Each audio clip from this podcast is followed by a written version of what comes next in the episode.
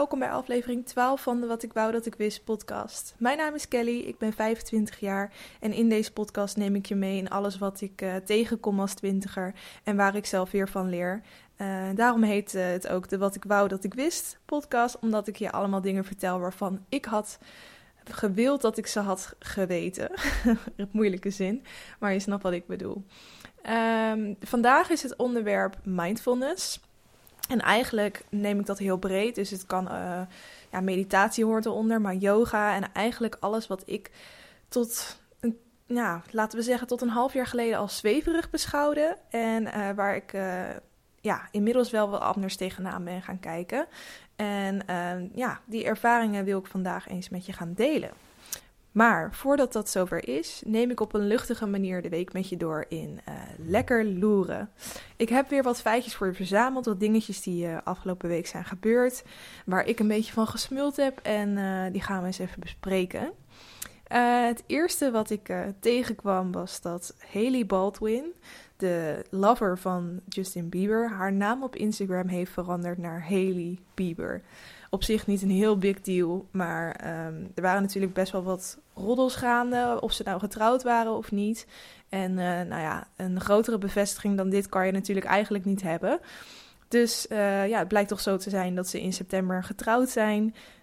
Um, Justin Bieber heeft trouwens ook een nieuw kapsel. Als je dat nog niet. Het voelt echt zo stom dat ik dit allemaal vertel. Want wat boeit het iemand ook eigenlijk? Maar goed, het is toch iets waar ik uh, even zat van... Oh, echt? Toen een vriendin het zei.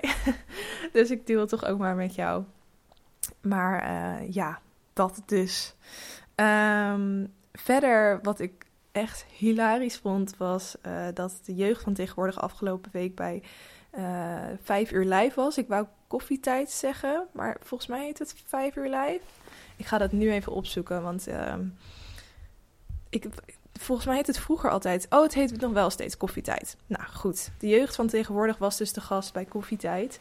En uh, dat was natuurlijk vanwege de shows. Dat vertelde ik in uh, de vorige aflevering. Dat zij vijf shows deden afgelopen week uh, in Paradiso of in de Melkweg. Zie je, weet ik het nog steeds niet. Een goede voorbereiding weer dit. Anyway, um, zij waren daar dus de gast. En het grappige is, je zou die combinatie gewoon niet verwachten. Koffietijd en die jeugd van tegenwoordig. Want zijn, ze hebben allebei compleet verschillende doelgroepen. Maar drie jaar geleden is dat dus ook gedaan. Toen waren ze ook de gast. En uh, dat was zo'n grappig interview. Juist omdat die match er niet is, uh, wordt het gewoon onwijs ongemakkelijke tv, maar waar je juist omdat het zo ongemakkelijk is, weer enorm van kan genieten. En het grappige is dus, die uh, mensen zelf vinden het dus ook geweldig. De jeugd vindt het gewoon heel grappig dat het zo ongemakkelijk is. Zij genieten echt van die ongemakkelijkheid en dat zie je ook gewoon in het, interview. En die Loretta en die Pernille die denken gewoon van, uh, ja, hoe gekker wij doen, um, hoe meer uh, ernaar gekeken wordt of meer we besproken worden. Dus in ieder geval zo'n idee heb ik. Ik kan niet helemaal peilen waarom zij dit zo grappig vinden om te doen. Maar ja, het is gewoon een hele hilarische match. Deze keer gingen ze dus... Um, uh, Pim Pam Pet doen, maar dan met uh, nummers van uh, de jeugd van tegenwoordig. En dat, dat, sloeg sowieso helemaal nergens op. Ze hadden dan dus aan dat rad gedraaid en dan kwam er een R uit. En dan gingen ze het nummer Manon doen, want dat is heel logisch. maar in ieder geval, het, het was dus Pim Pam Pet karaoke. Want het nummer wat er dan zogenaamd uitkwam, ook al was het totaal niet logisch, gingen ze dan dus zingen. Oftewel, ze is dan Loretta en Pernille. Nou, dat ging natuurlijk verschrikkelijk slecht en het was heel lelijk. En uh, ze kwamen niet uit hun woorden. Maar, en je ziet dan Loretta echt zo dansen als de dronken tante op uh, een verjaardag waar je eigenlijk niet heen wilde. En, uh, en je moet het gewoon eventjes zien. Zoek dat interview alsjeblieft even op. Het was volgens mij vorige week donderdag. En um, als je dan toch bezig bent, zoek ook het interview van drie jaar geleden op. Want daarin gingen ze uh, zakken door de heupen. Nou, dat zag er ook. Die beelden zijn echt hilarisch. Goed, als je nog een beetje wil cringen vandaag, dan uh, weet je wat je moet doen. Um, verder kwam ik tegen uh, een interview met Danny, de ex van Anna Nushin. Um, ik ben best wel fan van Anna Nushin, dat heb ik al wel eens eerder gezegd. Ik heb toen ook gehad over de nieuwe productenlijn die ze toen had uitgebracht. Maar ehm, ja, als influencer zijn en dan geef je natuurlijk ook een beetje een kijkje in je privéleven. Nou, zij had al tien jaar, volgens mij nog wel meer dan tien jaar, een relatie met een Danny. En die kwam dus ook wel eens voor in haar vlogs of op Instagram.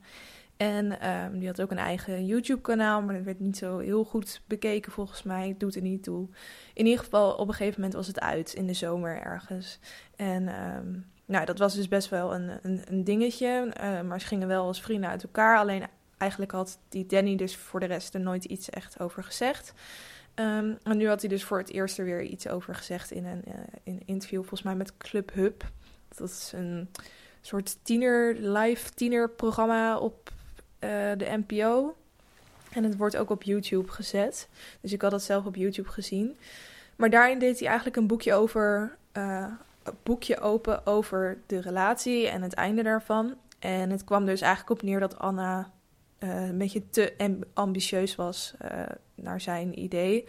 Of in ieder geval dat ze heel veel van huis weg was. En um, ja, dat dat uiteindelijk toch een beetje is gaan wringen. Dus dat dat de reden was dat ze uit elkaar zijn uh, gegaan of zijn gegroeid. Um, nou ja, Anna Nuzin heeft eigenlijk best wel snel alweer een nieuwe relatie gekregen. En daar is ze ook gewoon open over op haar social media. En uh, ze heeft zelfs een uh, foto geplaatst dat ze een tatoeage met die nieuwe lover heeft uh, laten zetten.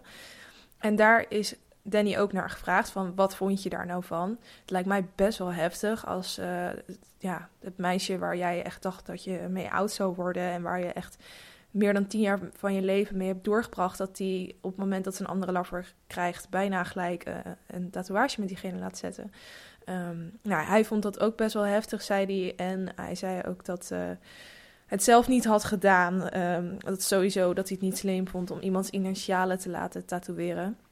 Als het gaat om een uh, uh, relatie, zeg maar, iemand met wie je een relatie hebt. En hij had zelf ook nog een tatoeage van Anna, zei hij. En dat, dat waren haar lippen. Hij had zijn lippen, haar lippen laten tatoeëren op zijn lichaam. En um, hij ging er volgens mij niks overheen zetten. Hij zei ook zoiets in de trant van dat het ook er bij zijn leven hoorde. En uh, nou ja, dat dus. Ik vind het wel echt een toffe gozer hoor, die Danny. En um, ja, ik, uh, ik, ik, moet eerlijk zeggen, ik vond het al eigenlijk nooit echt een stel bij elkaar. Omdat ze gewoon best wel anders zijn. En uh, nou, ik ben benieuwd uh, hoe hij het nu verder afgaat. Hij had het ook nog over zijn privéleven. Um, en voornamelijk seksleven. En dat, uh, dat hij daar zo heel gelukkig in was. Uh, en dat hij heel makkelijk uh, meisjes kon regelen. dus die gaat wel lekker los nu volgens mij. Um, tot slot, Nienke Plas die heeft een nummer uitgebracht. Als je Expeditie Robinson kijkt, dan ken je haar vast. Ze heeft ook nog wat andere kleine programma's gepresenteerd bij RTL. En ze is natuurlijk voornamelijk bekend van haar YouTube-kanaal, die ik al een tijdje volg. Uh, ik vind dat zij echt fantastische humor heeft en um, heerlijke vlogs maakt. Waarin ze, ja, de manier waarop zij met haar kind praat, is zeg maar gewoon alsof je met een volwassene praat. En ik vind dat best wel bizar en grappig om naar te kijken. En nou ja, wat ik zeg, ze heeft gewoon humor. Um, maar ze was dus al een tijdje aan het teasen nadat ze ook zelf muziek wilde gaan uitbrengen. En dat ze ergens had getekend en dat ze in de studio stond. En uh, nu was dus eindelijk dat nummer er. Want afgelopen vrijdag bracht ze het nummer Vrijdag uit. Heel uh, goed uitgekozen die dag. En het nummer gaat dus over. Uh, ja, uh, haar en haar zoontje volgens mij. Of in ieder geval, het, het, het, ja, het gaat eigenlijk gewoon over haar gezin. En dat ze heel graag bij haar zoontje wil zijn, maar dat ze niet altijd bij hem kan zijn. En uh, die Frankie Dean, dat zo heet haar zoontje, die speelt dus ook in de videoclip. En zij speelt dus daar in de videoclip een vrouw die stript om geld bij elkaar te krijgen voor haar zoontje. Nou, in het echt heeft ze natuurlijk wel voldoende geld. Maar het gaat alsnog wel over ja, bij je zoontje willen zijn. Nou, ik vind dat op zich wel vet. Alleen ik uh, had er wel iets anders van verwacht of zo. Ik weet niet waarom. Als je het nummer hoort, dan denk je niet gelijk van... Oh ja, dit, dit had ik bij haar gezien. Ik weet niet. En de manier waarop ze zingt vind ik ook... Moi. Ik, uh, het is een beetje gekreunachtig. En uh, dat is misschien nu wel een steltje wat je veel hoort. Maar uh, zij kan super veel met haar stem. Ze zingt ook wel eens in haar vlogs. En ik had meer verwacht daar iets van te horen. Echt uh, vette uithalen of dingen. Of uh, Maar ja, je weet natuurlijk nooit als iemand muziek gaat maken van wat voor genre dat wordt, wat voor stijl diegene houdt. En misschien is dit ook gewoon weer iets ja, waar je aan moet wennen en dat ze meerdere nummers heeft uitgebracht. Dat je denkt, ja, nee, dit is eigenlijk best wel Nienke Plas-achtig, zeg maar. Ze is natuurlijk gewoon echt een beginnende artiest. Haar nummer gaat in ieder geval wel echt heel hard. Ik denk voor iemand die een eerste single uitbrengt, doet ze het wel echt heel goed. Ik weet het niet uit mijn hoofd op uh, hoeveel de teller nu staat. Maar um, hij is aardig vaak bekeken volgens mij. Um, dus ik vraag me dan af of hij ook in de hitlijst uitkomt. Ik weet niet of Nienke Plas leeft bij heel Nederland, zeg maar. Ze zit nu natuurlijk wel in Expeditie Robinson. En volgens mij is iedereen daar wel heel enthousiast over haar. Maar ze is natuurlijk vooral bekend van een YouTube-kanaal. En dat is meer een jongere ding. Dus um, ja, I don't know. Uh, dat was het voor Lekker Loeren. En dan gaan we door uh, naar het LKL'tje, waarin ik uh, luistertips, kijktips en leestips met je deel. En eigenlijk vertel wat ik afgelopen week allemaal heb geluisterd, heb gekeken en heb gelezen.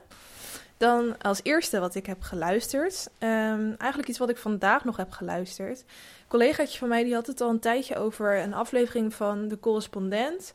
De Correspondent is een journalistieke site. Maken echt hele vette artikelen. En um, ja, gewoon waar echt hele goede onderzoek in zit. En ze hebben dus ook een, uh, een, een podcast. En ja, het wordt gewoon op een hele luchtige, logische manier verteld. Ik weet nog wel, toen ik voor mijn studie onderzoek moest doen en uh, artikelen en onderzoeken door moest spitten, dat ik er soms gewoon echt niet doorheen kwam. En hier zo weten ze net zoals in hun artikelen wel echt je aandacht vasthouden. Dat vind ik heel goed. Dus ik luister er wel vaker naar. Maar deze keer was het dus een aflevering die ik nog niet had geluisterd. Het gaat dus over cijfers die ons misleiden. En um, nee, die had ik dus nog niet geluisterd, dus die heb ik vandaag eens geluisterd. En um, ik vond het wel heel interessant. Het gaat er eigenlijk om dat uh, cijfers heb je natuurlijk constant mee te maken. Je hebt CITO-toetsen, je hebt uh, um, in de politiek gaat eigenlijk alles af op onderzoeken, um, belastingen, nou, noem het maar op. Heel veel draait om cijfers. Uh, als je de kranten openslaat, eigenlijk gaat alles om cijfers, of grotendeels in ieder geval. En uh, er was dus degene die dit boek heeft geschreven over cijfers die ons misleiden. Zo heet het boek niet. Het, heet, boek heet volgens mij Het allerbeste boek ooit. Wat ik wel een grappige titel vind, want er zit dan dus een asterix bij. En dan, uh, even kijken hoor. Oh ja, het, het heet Het best verkochte boek ooit. En dan tussen haakjes met deze titel. Want dat zegt het dus eigenlijk al. Uh, dat heel veel koppen die gebaseerd zijn op cijfers die uit zijn verband zijn getrokken, uh, ons compleet kunnen misleiden. En dat is dus wat heel vaak gebeurt in de kranten en eigenlijk alle nieuwsberichten die je meekrijgt, die zijn vaak gebaseerd op een onderzoek waarbij de resultaten gewoon uit hun verband zijn getrokken. Uh, en wat wij dus wel voor waarheid aannemen. Dus een voorbeeld. Zij zegt dus, de schrijfster die dus de gast is in de podcast, um, dat zij vroeger een, een, een, onderzoek moest doen. En toen was haar hypothese dat uh, mensen die in derde wereldlanden een mobieltje nemen, dat die automatisch ook meer rijkdom hebben. Omdat uh, als je een mobieltje hebt, dan kan je beter contact leggen, dan kan je. Uh, hoef je niet vijf kilometer te lopen om een boodschap over te brengen. Kan je onderzoek doen via internet over hoe jij aan middelen of aan geld kan komen, nou ja, et cetera. Um, en die hypothese, daar had ze gelijk in, want ze zag dus dat mensen die een mobieltje hadden, dat die ook rijker waren. Nou, dan kan je zeggen van mensen die een mobieltje, hebben, eh, een mobieltje hebben, leidt tot meer rijkdom. Um, maar dat is dus niet zo, want het kan ook zo zijn dat het omgedraaid is. Dat mensen die rijk zijn, eerder een mobieltje hebben, omdat ze gewoon het geld hebben om het te kopen. Nou, dat is dus al één heel goed voorbeeld. Um, iets anders wat ze ook nog als voorbeeld noemde is dat uh, je wel zo'n krantenkop ziet als uh, rode wijn veroorzaakt teenschimmel. Nou ja, dan is er dus een keer een onderzoek geweest uh, waar mensen gewoon de lijn van mensen die rode wijn drinken, dat ze gewoon een groep mensen hebben gepakt die rode wijn drinken of die heel veel rode wijn drinken. En dat ze hebben gekeken of die mensen vaak teenschimmel hebben. En ze hebben ook gekeken naar um, mensen die minder rode wijn drinken en of die vaak teenschimmel hebben. Nou, het zijn hele, twee hele random dingen, maar als zij daar zo uh, in zien van, nou, de, de groep mensen die rode wijn drinken, die hebben ook meer teenschimmel. Dan kan dat al heel snel als een soort oorzaak-gevolgrelatie gebracht worden. Dus van rode wijn drinken krijg je teenschimmel of andersom. Dus dat uh, hoeft natuurlijk niet zo te zijn. Er zijn heel veel verschillende factoren die daar aan mee kunnen tellen. Nou, ik leg het nu op deze manier uit, maar zij doet het zelf echt veel beter. Dus um, ga, dat, ga die podcast gewoon zeker luisteren. En als je denkt van, nou, ik heb daar gewoon niet zo'n zin in. Ik vind het wel heel belangrijk dat je de boodschap uit die podcast onthoudt. Um, want ik vind dat, ja, ik heb daar zelf ook, toen ik nog studeerde, heb ik heel veel vakken hierover gehad. Over dat je dat we eigenlijk onderzoek deden naar dingen in de media. Dat was eigenlijk heel mijn studie. En uh, nou, toen was ook de conclusie, conclusie van blijf zelf nadenken als je een onderzoek doet, als je een onderzoek leest. Um, want als je puur alleen cijfertjes naast elkaar legt, dan uh, zegt dat vaak nog niet zo heel veel. Dus bekijk eigenlijk altijd of er meerdere, als je echt benieuwd bent of het waar is, of kijk of er meerdere onderzoeken zijn. Of ga dat onderzoek uitpluizen en kijk of er uh, meer, bepaalde factoren zijn die ze niet hebben meegeteld. Um, maar zijn er bijvoorbeeld naar dit specifieke gegeven meerdere onderzoeken gedaan met verschillende onderzoeksmethodes, dan kan je er al van uitgaan dat er een, uh, een waarheid in zit. En eh, ga bijvoorbeeld ook naar hoe andere wetenschappers tegen het onderzoek aankijken. Als er heel veel wetenschappers zijn die zeggen dat onderzoek is eigenlijk helemaal uh, ja, krom. Sorry, ik zit naar een vliegje te kijken wat op mijn bureau loopt. En hij kruipt nu precies onder mijn microfoon. Oké, hij is weg. Um, waar was ik?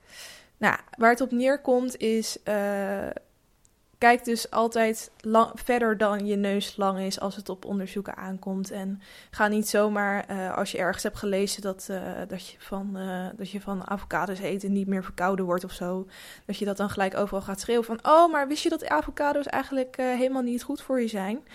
Um, kijk gewoon altijd eventjes verder dan je neus lang is, want journalisten die moeten ook in brood verdienen. En die uh, schrijven natuurlijk liever een kop die schokkend overkomt. Um, dan dat, iets, dat ze iets heel voor de hand liggends uh, publiceren. Wat niet inhoudt dat je aan elk artikel moet gaan twijfelen. Maar wel dat je alles altijd even met een uh, korreltje zout moet nemen. Goed, misschien heb ik de, de podcastaflevering al een beetje voor je verpest nu. Maar ik wil het toch even genoemd hebben. Um, dan een kijktip. Ik heb uh, uh, lekker veel Netflix gekeken afgelopen weekend. Het was echt weer zo'n weekend. En ik zag dus dat er een nieuwe kerstfilm op Netflix was verschenen met Vanessa Hudgens. Um, nou ja, nou heb ik wel wat met Vanessa Hudgens, want zij was een beetje mijn jeugd. Want High School Musical was echt uh, een best wel groot ding toen ik jong was. En um, ik zie haar af en toe nog wel eens ergens voorbij komen, maar ik had haar eigenlijk niet echt meer in iets zien acteren. En nu zag ik dus dat zij in die film zat.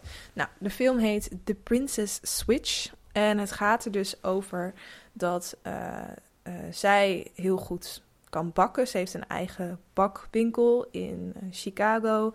En um, dan heeft iemand haar ingeschreven voor een grote bakwedstrijd. Waarvoor ze naar een soort Oostenrijk, soort Genova-achtig plekje moet. Ik weet even de naam niet meer. Nou, daar vliegt ze dus heen. Dit is allemaal in de kerstperiode. En dan komt ze dus de, uh, de, de verloofde tegen van de prins. Van de, ja, van de aankomende. Dus nou, van de prins van dat land komt ze dus de aankomende verloofde. Of de verloofde tegen aankomende bruid. Damn, oké. Um, en die lijkt dus echt sprekend op haar te lijken. Maar die verloofde, die wil eigenlijk gewoon nog eventjes proeven hoe het is om normaal te zijn. Dus ze vraagt aan haar, zouden wij voor twee dagen van leven kunnen ruilen? Dus dat gaan ze doen en dan kleden ze, trekken ze elkaars kleding aan en de een knipt het haar af. En uh, nou, dan kruipen ze dus eigenlijk in elkaars rol. Maar dan worden ze dus ook een beetje... Uh, ja, verliefd op elkaars leven en alles wat daarbij hoort. Dus dat is, uh, meer ga ik niet zeggen, want anders dan verpest ik hem al een beetje voor je. Maar hij is echt uh, best wel leuk. Het is gewoon weer een lekker makkelijk weg te kijken filmpje. Maar ik vind uh, kerstfilms, daar, dat, dat, daar mag het gewoon een beetje slecht bij zijn. Dat mag gewoon een beetje cheesy zijn, vind ik. Um, dus dat is wel een goede tip voor de aankomende koude dagen. Dan de leestip Ik heb de nieuwe Linda Meijden ontvangen. Ik ben daarop geabonneerd. Ik vind dat echt een heel leuk blad. Ik hoef niet elke maand een Linda te ontvangen. Ehm, maar ik vind deze specifiek wel heel leuk. En nu is dus het Linda Meijden winterboek binnengekomen. En er zit onder andere een interview met Monica Geuze in, met Queen of Jetlags, een paar heftige verhalen. Maar wat er dus ook in zit, zijn uh, soort vragenlijsten, soort dilemma's. Dit zat ook in het zomerboek. En dat vond ik echt super leuk, want er zitten dus allemaal leuke uh, dingen in die je zelf aan uh, vrienden of je vriend of met wie je ook bent kan gaan checken. Dus er zitten bijvoorbeeld dilemma's in, bijvoorbeeld horen wat iedereen denkt of iedereen hoort wat jij denkt. Dus zou jij van alle mensen om je heen gedachten willen lezen of zou je liever hebben dat iedereen jouw gedachten kan lezen? Nou, best wel een dingetje om over na te denken. Um, en ook heel leuk om aan iemand anders te stellen. Maar ook bijvoorbeeld, op wie ben je eigenlijk best wel jaloers? Als je dat aan iemand vraagt en iemand moet daar eerlijk op antwoorden. Dat zijn dingen die je normaal niet echt weet van elkaar. Of um, wat voor raars doe jij eigenlijk als je alleen thuis bent? Nou, dat soort grappige dingetjes vond ik, uh, vind ik altijd wel leuk. Ik had dus ook het zomerboek. En ik zat toen op een festival met uh, twee vrienden en mijn vriend. En toen hebben we dus al deze vragen met z'n allen door zitten nemen. En ik ken hun daardoor nu echt een stuk beter. En ik voel me echt opeens een stuk closer tot hun. Omdat ik allemaal van dit soort grappige kleine dingetjes van hun weet. Dus uh, dat vind ik ook wel weer leuk aan de nieuwe Linda Meiden. Dus dat eigenlijk gewoon weer een, uh, een lekker boekje voor uh, de koude winteravonden. Als je eventjes niks te doen hebt, zit er ook weer wat puzzels in en zo. Ik heb hem hier nu voor me. Ik zit er een beetje doorheen te bladeren. Heel mooi trouwens, die fotoshoot van Monica Geuze met haar kindje en met haar man. Echt wel, zij noemt haar kind dus babyzus, hè? Daar heeft ze het ook over in het interview. Omdat, en zij heeft het uitgelegd, haar uh, beste vriendin noemt ze altijd zus. Dat vond ik ook altijd al heel verwarrend. Want als ik dat dan ergens zag staan, dacht ik, is het nou echt je zus of niet? Maar zij ziet dat dus echt als koosnaampje. Dus ze noemt haar beste vriendin zus. En omdat haar uh, nieuwe baby eigenlijk omdat ze die eigenlijk ziet als haar nieuwe beste vriendinnetje. Maar dan in babyvorm noemt ze die baby dus babyzus. Ja, dus ik vind het heel bijzonder. Maar uh, ja, doe lekker wat je niet laten kan. ja, dat leuk vindt. Ik vind de naam trouwens ook wel leuk. Sarah Lizzie. Al denk ik dat ze dat wel gaan afkorten. Goed, ik uh, ga door.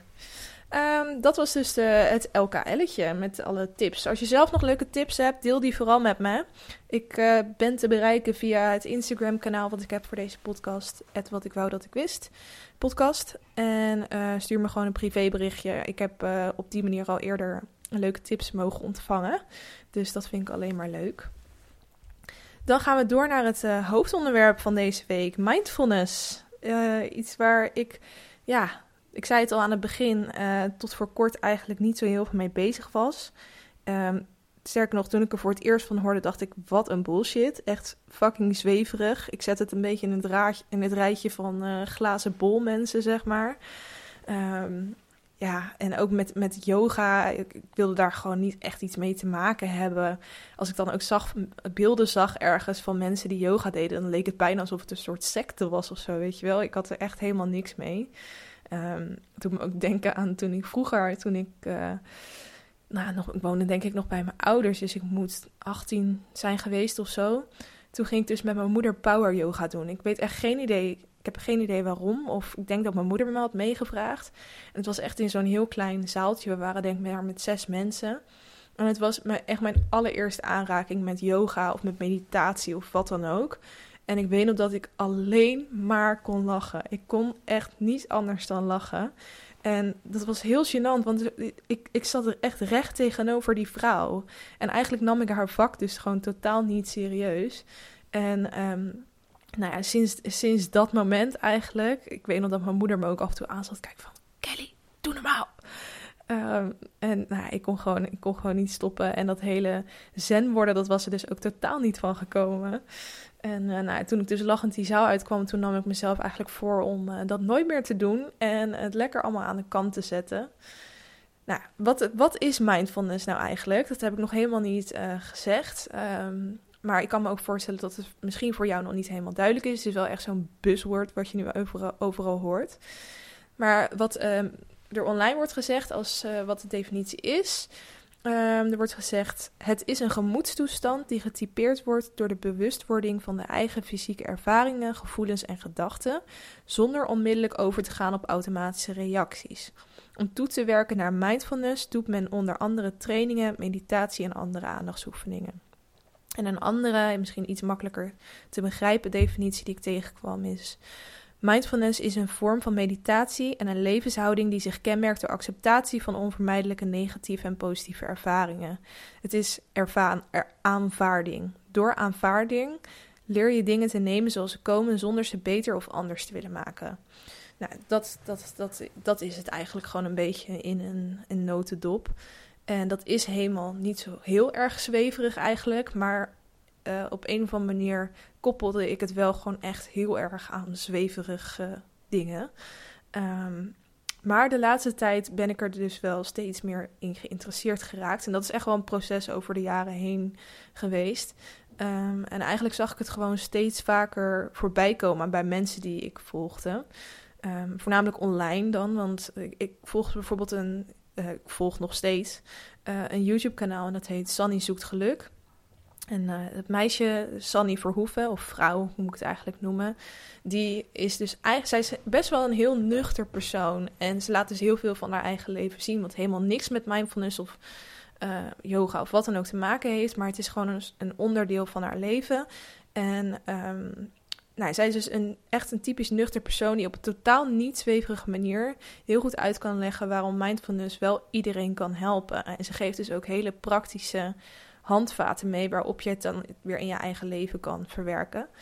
Um, en sommige video's van haar dacht ik echt, wat is dit? Uh, en andere dingen dacht ik van, nou, zit op zich best wel wat in. Dus zodoende kwam ik eigenlijk steeds meer een beetje op het punt van, nou, misschien is het dan toch wel iets waar uh, ik ook iets mee kan. Um, nou, toen zag ik ook dat uh, zij mediteerde. Toen ben ik me daar een beetje in gaan verdiepen. Um, en kijken wat dat, wat dat is, wat het inhoudt, wat het, wat het doet. En toen kreeg ik een keer de tip om de app Headspace te proberen. Nou, ik dacht dat is lekker makkelijk, dat is in mijn eigen comfortzone. Ik ga dat eens proberen. Dus ik had die app gedownload. En um, ten eerste heeft het echt fantastisch design. Het is echt heel leuk gemaakt. Het is heel duidelijk uitgelegd door middel van allemaal kleine uh, animaties. En um, nou, dat meditatie gaat er dus eigenlijk ook om dat je uh, ja, eigenlijk heel erg concentreert op je ademhaling. Dat je echt uh, voelt dat je inademt en uitademt en hoe dat binnenkomt en door je lichaam gaat en weer naar buiten komt. Um, en dat je ook heel erg bewust van bent van de manier waarop je zit. Um, en dat je eigenlijk wordt er dan bijvoorbeeld, moet je een soort lichaamscheck doen bijvoorbeeld. Dus uh, er wordt uh, gezegd van, um, dus die app, om het even uit te leggen, die app gaat er dus eigenlijk om dat je gewoon een koptelefoon opzet en je hoort een ja, heerlijke Schotse, denk ik, mannenstem. Heel laag. Je wordt echt alleen van het geluid van die stem al rustig. Die gaat je dus door een meditatieoefening heen praten. Um, en dat kan je een aantal dagen achter elkaar doen. Je hebt allemaal verschillende soorten van oefeningen. Um, ik heb het toen volgens mij een keer tien dagen achter elkaar geprobeerd. Nou, dat was voor mij ook wel echt een max. Um, maar uh, wat je dus gaat doen, is je gaat heel erg letten op je ademhaling. En je gaat ook uh, een lichaamscheck doen. Dus ze zeggen dan van, nou ja, ga nu eens met je gedachten naar je tenen. Hoe voelen die aan? voel de punten aan waar je voeten steunen op de grond. Um, of als je in bed ligt, waar je schouders je kussen raken. Uh, allemaal van dat soort dingen. Dus je wordt je heel bewust van alle punten in je lichaam. En eigenlijk word je op die manier heel rustig. En dat vind ik echt het, het, het, het interessante of het handige, praktische voor mij eigenlijk aan mindfulness of meditatie. Is dat je trucjes leert om jezelf heel rustig te maken. En dat kan op heel veel verschillende manieren super handig zijn. Bijvoorbeeld als je een hele belangrijke presentatie hebt, dat je puur eventjes goed ademhaalt en, en op niks anders let dan je ademhaling. Dat, daar kan je je hoofd heel erg uh, leeg van maken. Maar het is ook iets wat ik nu bijvoorbeeld doe um, tijdens uh, als ik vlak voordat ik ga slapen bijvoorbeeld, als ik echt nog merk dat ik superveel gedachten door mijn hoofd spoken. Ik heb dat best wel vaak dat ik echt in de avond opeens bak aan inspiratie krijg, bijvoorbeeld voor deze podcast. Dat ik dan in bed lig en denk, oh, ik kan daar een keer over hebben, of ik kan daar een keer over hebben. En dan pak ik elke keer mijn mobiel op om alles gelijk te noteren, omdat ik bang ben dat, het kwijt, dat ik het weer kwijtraak. Maar ehm, op die manier kom je natuurlijk niet echt heel lekker in slaap. Dus wat ik dan dus wel eens probeer is uh, om met die, uh, die trucjes die ik in die app heb geleerd, um, die ademhaling en die lichaamscheck, om mezelf dan rustig te krijgen. En eigenlijk, als ik dan die lichaamscheck doe, dan begin je eigenlijk bij het puntje van je hoofd en dan werk je langzamerhand naar beneden. Um, als ik, ik kom denk tot, uh, tot mijn heupen en dan ben ik al weg. Weet je, dat is echt, dat is best wel een goede manier. En het zit hem ook in, nou ja, eigenlijk legde ik net al uit wat mindfulness is. En daar zit het ook in. Um, door aanvaarding leer je dingen te nemen zoals ze komen, zonder ze beter of anders te willen maken. Dus op het moment dat jij eventjes niet meer uh, op jezelf let, op je ademhaling of waar je ligt of zit. Uh, en je denkt aan de boodschappen die je morgen nog moet doen, dan is dat ook niet erg. Dan beoordeel je jezelf daar niet op. Dan zeg je niet, hé shit, je maakt een fout. Maar dan um, ja, het klinkt alsnog een beetje zweverig, maar dan accepteer je dat en dan breng je langzaam je aandacht uh, weer terug. En um, ik weet nog dat ik vroeger mezelf ook helemaal gek kon maken als ik niet kon slapen. Mijn moeder dan ging roepen van, mam, ik kan niet slapen. En dan kwam ze dus bij mijn bed en dan zei ze tegen me, um, want ik werd heel erg gewoon boos en gefrustreerd op mezelf, omdat ik alleen maar zat te tellen van, oh, ik kan nog maar acht uur slapen of ik kan nog maar zeven uur slapen. Ja, hoeveel slaap je op dat moment ook nog uh, nodig had, dan ging ik dat helemaal uitrekenen. En dan mezelf soort van kwalijk nemen dat ik nog niet in slaap was gevallen. Nou, als je in zo'n moed zit, dan val je natuurlijk ook niet goed in slaap.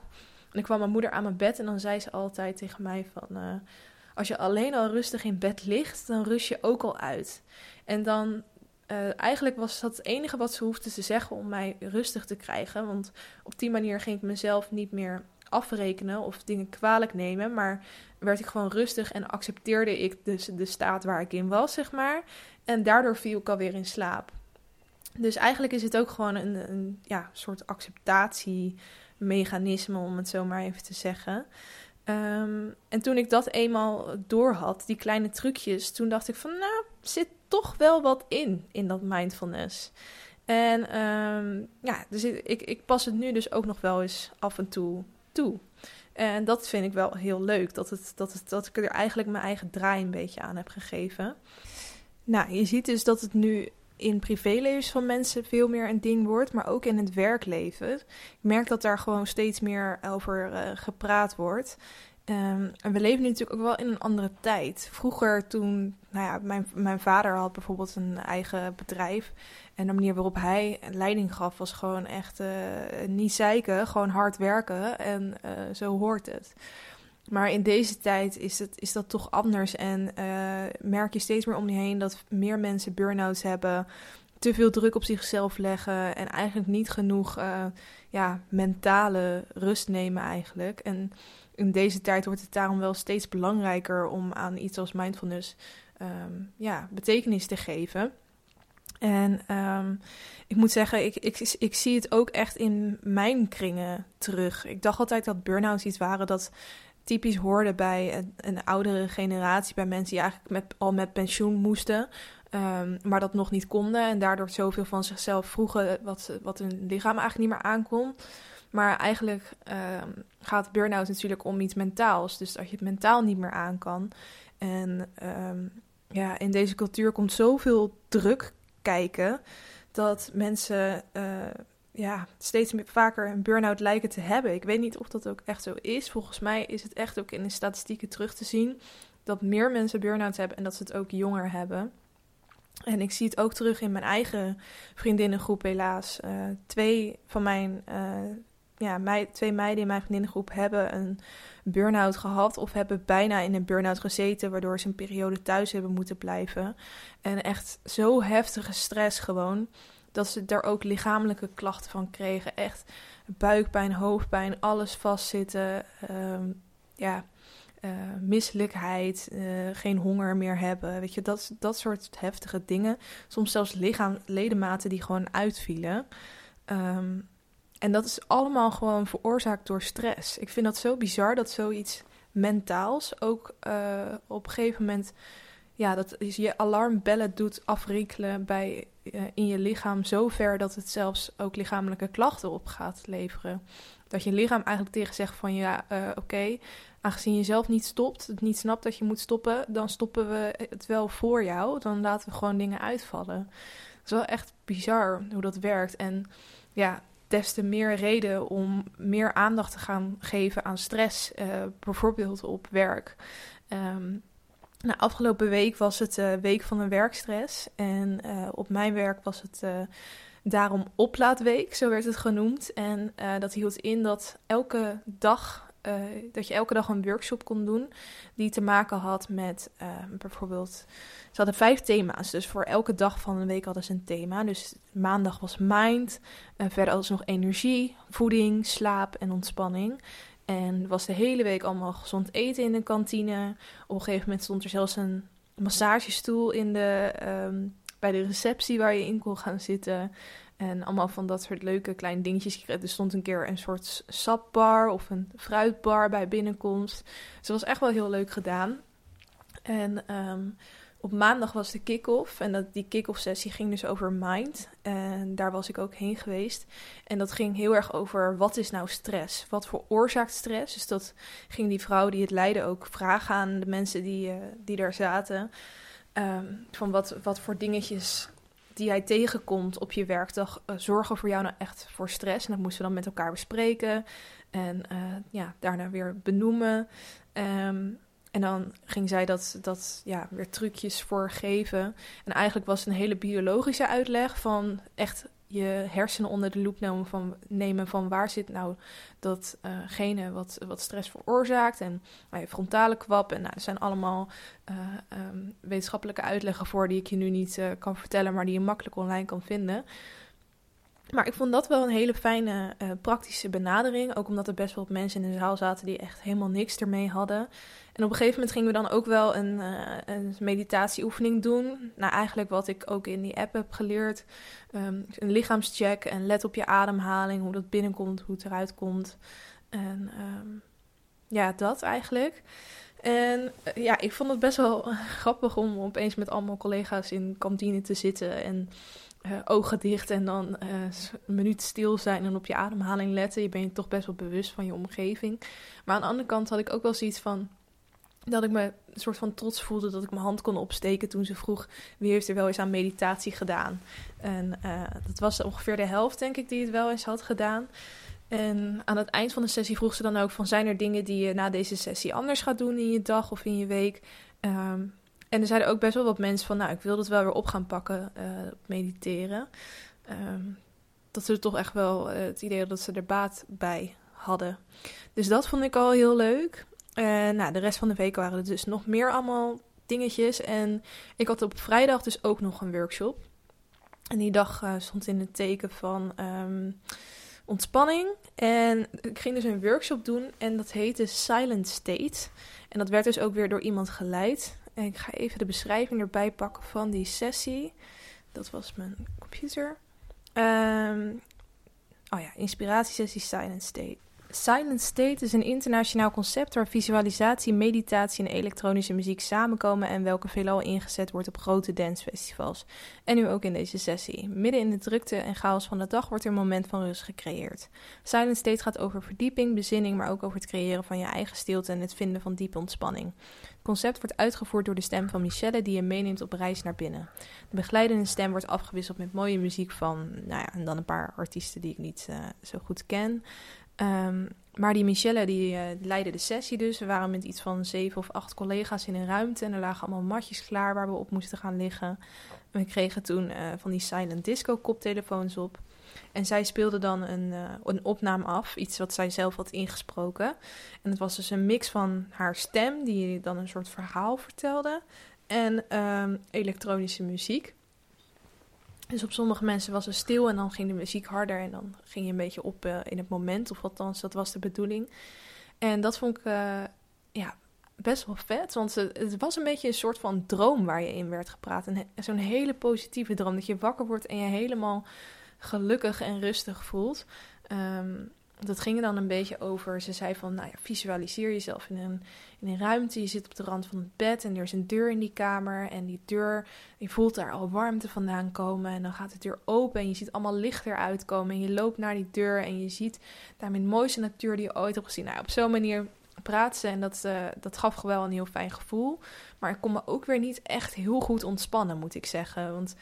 Um, het, was echt zo bam. We kwamen die kamer binnenlopen. Ze gaf een super, super korte introductie. We gingen liggen en uh, we moesten um, ja, een beetje opgaan in het moment, zeg maar. Maar dat lukte mij helemaal niet, want ik was me nog zo bewust van het feit dat ik in die ruimte lag.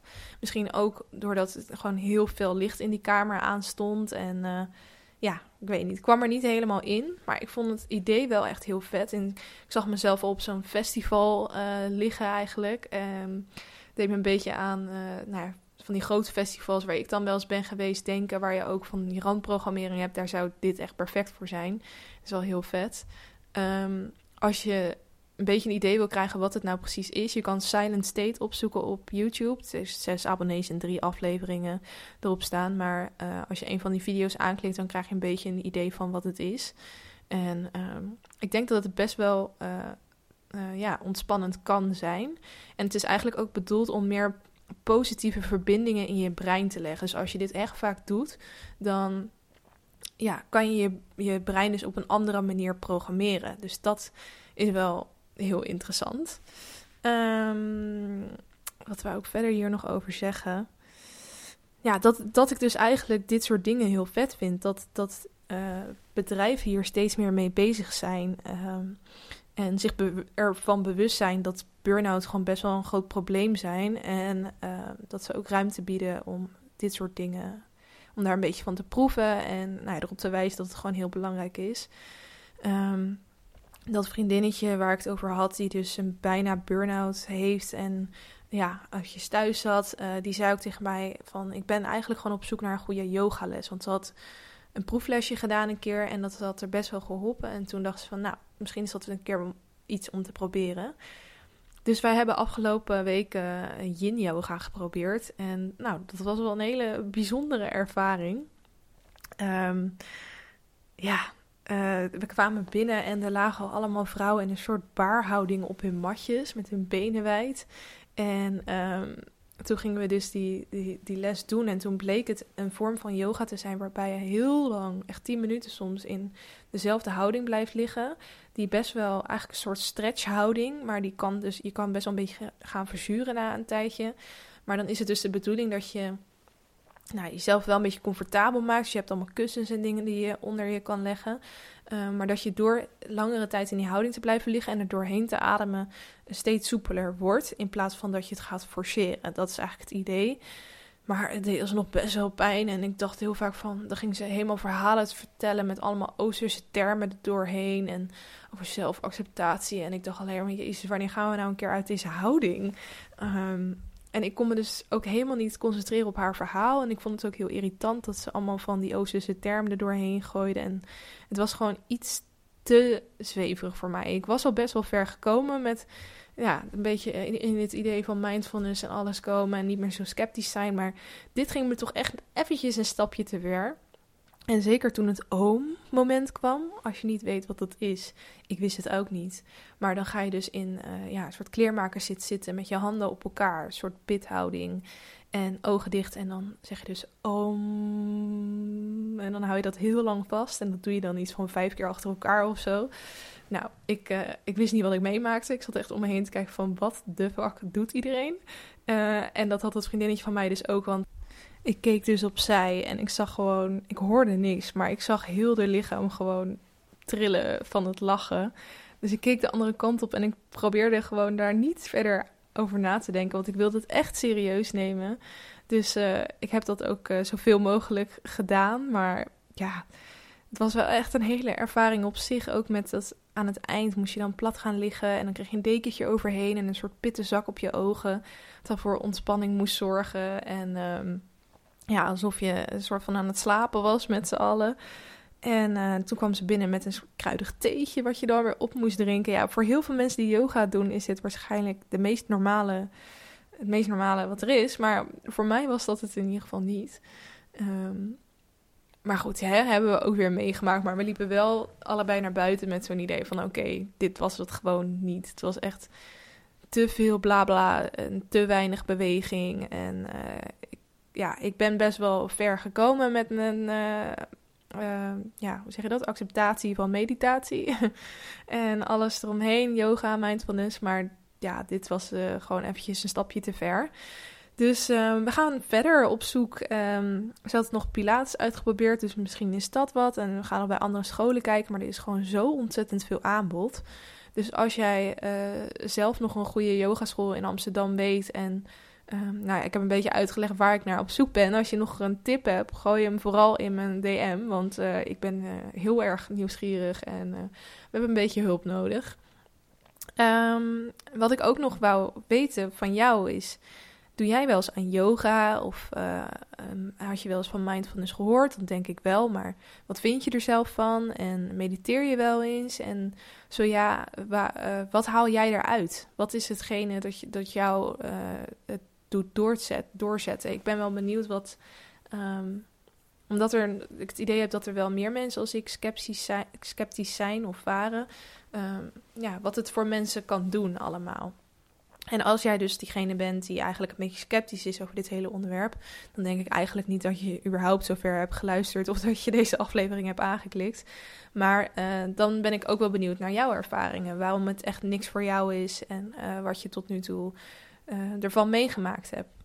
Dus laat het me vooral weten. stuur me dus lekker een DM'tje of je kan het achterlaten bij een van de posts op Wat ik wou dat ik wist podcast Instagram kanaal. Um, dan de challenge. Uh, ik had mezelf dus afgelopen week de challenge gegeven om yoga en mindfulness wat serieuzer te gaan nemen.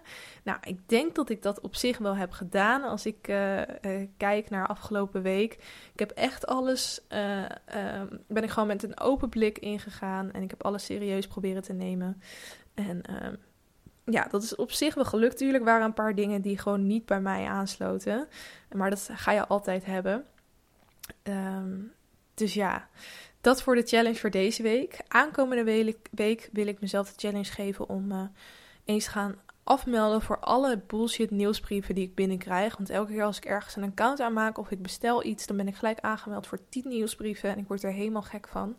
En in plaats van dat ik ze delete, wil ik nu gewoon echt mezelf gelijk voor elke nieuwsbrief gaan afmelden omdat ik denk dat me dat echt een heel opgeruimd gevoel gaat geven. Dat doet het al, want ik probeerde het vandaag en ik dacht echt, hè, hè waarom heb ik dit niet eerder gedaan? En hetzelfde geldt voor uh, mijn Instagram. Ik denk dat je misschien wel herkent dat je op je feed aan het scrollen bent en eigenlijk bij heel veel posten gewoon langs gaat, omdat het je eigenlijk totaal niet meer interesseert. En uh, als ik dat heb, dan wil ik gewoon naar dat profiel gaan en ontvolgen. Want het heeft echt geen zin om uh, overal maar langs te blijven scrollen. Um, er zijn gewoon soms dat je momenten dat je uit een Instagram kanaal groeit of dat ja, je interesse er gewoon niet meer voor is. Uh, of dat je er gewoon niet meer blij van wordt als je alleen maar uh, fit girls ziet, uh, waar ik het vorige week over had. En je wil dat gewoon niet meer. Dan moet je ze gewoon lekker eraf gooien. Dus dat ga ik ook doen. Dus ik denk dat ik volgende week tegen deze tijd een heel opgeruimd hoofd heb als ik die challenge heb gedaan. Um, geef jezelf trouwens ook weer een challenge als je dus nog op zoek was naar uh, een goede uh, bij deze. Ik denk dat uh, iedereen hier wat aan gaat hebben, dus doe lekker met me mee zou ik zeggen. Um, ja, dat was hem voor deze week. Hartstikke bedankt weer voor het luisteren. Ik vond het leuk dat je mijn gebrabbel weer aan wilde horen. En um, hopelijk zie ik je volgende keer weer. Dus tot volgende week.